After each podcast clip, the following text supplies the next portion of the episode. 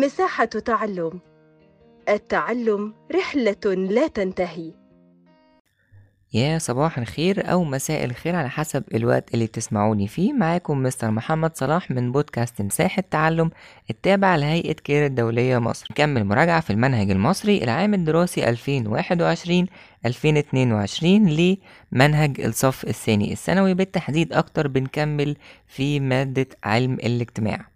ما تنسوش تسمعوا الريكوردات اللي فاتت اتكلمنا في ثلاث ريكوردات فاتت في مادة علم الاجتماع عن أبرز وأهم الأسئلة. هنكمل كمان في ال record ده وإن شاء الله ال record اللي بعده. وبرضو ما تنسوش مادة علم النفس برضو اتكلمنا عنها واتكلمنا عن أسئلتها. تابعونا وإن شاء الله بالنجاح والتفوق لينا كلنا. يلا بينا نبدأ يا مستر محمد مش عاوزين نتعطل. يلا بينا نبدأ في الأسئلة في الريكورد ده. وأول سؤال عندنا النهاردة بيقول يفضل عند دراسة تغير أنساق القيم في القرية المصرية من مئة عام استخدام منهج المسح العام ولا المنهج المسح الوصفي ولا منهج دراسة الحالة ولا المنهج التاريخي؟ طيب هو إحنا كده بنتكلم بيقول يفضل عند دراسة ظاهرة تغير أنساق القيم في القرية المصرية كل ده لسه إيه الدنيا مش واضحة قوي إنما الجملة المفتاحية أو الكلمتين المفتاحية كده في الجملة كلها حتة إيه من مئة عام من مئة عام فات. فبنتكلم في مئة عام فات يبقى طبعا بنتكلم عن المنهج التاريخي. زي ما إحنا فاكرين كده في الريكوردات اللي فاتت وهنكمل طبعا إن ممكن السؤال يعني ما يكونش واضح قوي إلا بكلمة مفتاحية كده أو جملة محددة هي دي اللي بتبين فعلا إيه هي دور الإجابة أو إيه هي الإجابة بتاعتنا. تمام؟ فإحنا نحاول إن إحنا نشوف ونركز جدا في صيغة السؤال نفسها علشان نوصل أو نحط إيدينا على الكلمة المفتاحية دي هي اللي هتحدد معانا الإجابة. تعالوا ندخل على السؤال اللي بعد كده. يمكن اعتبار إحصاء الأحزاب السياسية لعدد الناخبين بمصر من وسائل المنهج نقط. هل هو المنهج التفسيري ولا المنهج الوصفي ولا المنهج التاريخي ولا منهج المسح العام؟ يعني كده دلوقتي لو إحنا عاوزين نشوف في انتخابات جاية وعاوزين نشوف مين الناس أو أو كام فرد بالظبط ليهم حق الانتخاب في ال ال الانتخابات اللي جاية دي. فاحنا هنا بنستخدم هل بنستخدم المنهج التاريخي ولا بنستخدم المنهج التفسيري ولا المنهج الوصفي ولا منهج المسح العام أو المسح الاجتماعي العام؟ يبقى فعلا إحنا بنتكلم عن المسح العام وهو دوت اللي بنستخدمه فئة معينة في الوقت الحاضر علشان نعرف عدد الناخبين أو عدد الناس اللي بيحق ليهم إن هم ينتخبوا في الانتخابات اللي جاية. يبقى الإجابة هي المسح العام. برافو عليكم وندخل على السؤال اللي بعد كده. والسؤال بيقول العالم الذي يرى أن المجتمع مثله مثل العالم الطبيعي يمتثل في أنشطته لقوانين ثابتة لا تتغير. هل هو العالم ماكس فيبر ولا إيميل دوركايم ولا أوجست كونت ولا ابن خلدون؟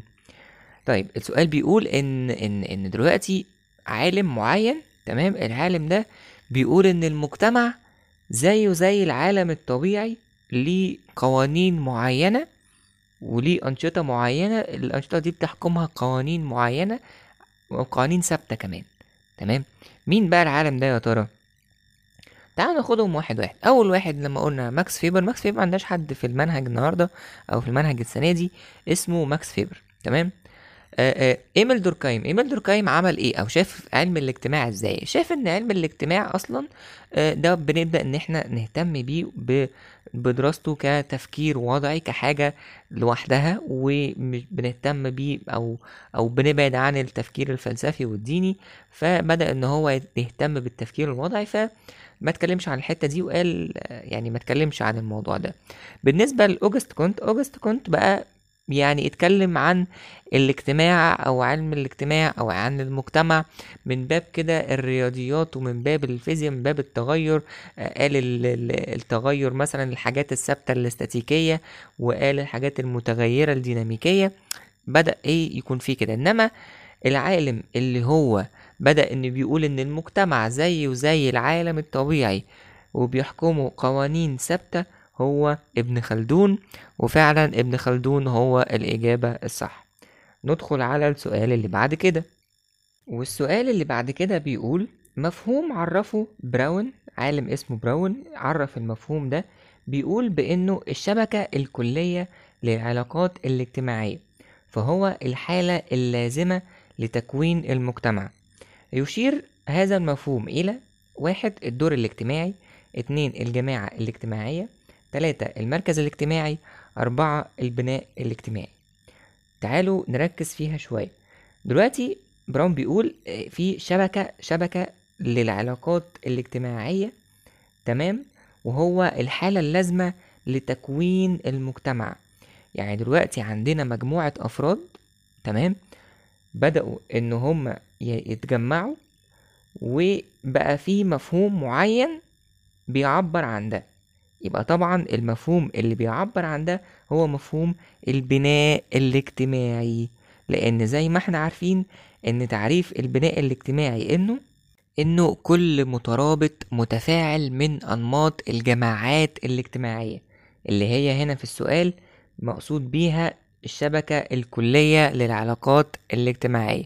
تمام؟ لما نبدأ إن إحنا يكون يعني جمعنا كل ده فده بيسمى أو بيتحط تحت إطار مفهوم البناء الاجتماعي. يعني معنى كده يعني يا مستر عايز تقول لنا إن المفهوم ده واحد اسمه براون هو اللي قاله هو ده اللي عرف البناء الاجتماعي؟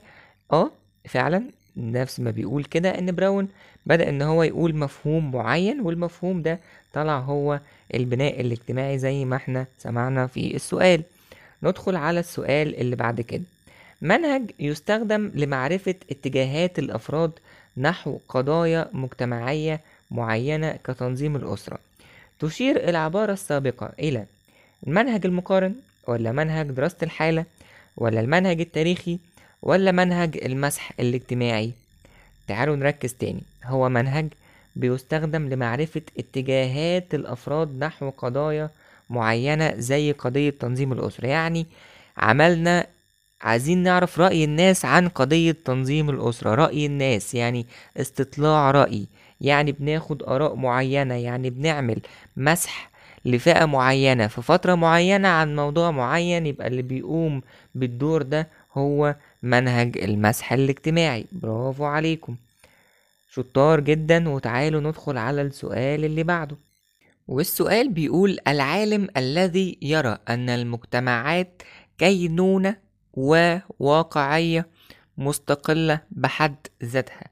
المجتمعات كينونة واقعية مستقلة بحد ذاتها.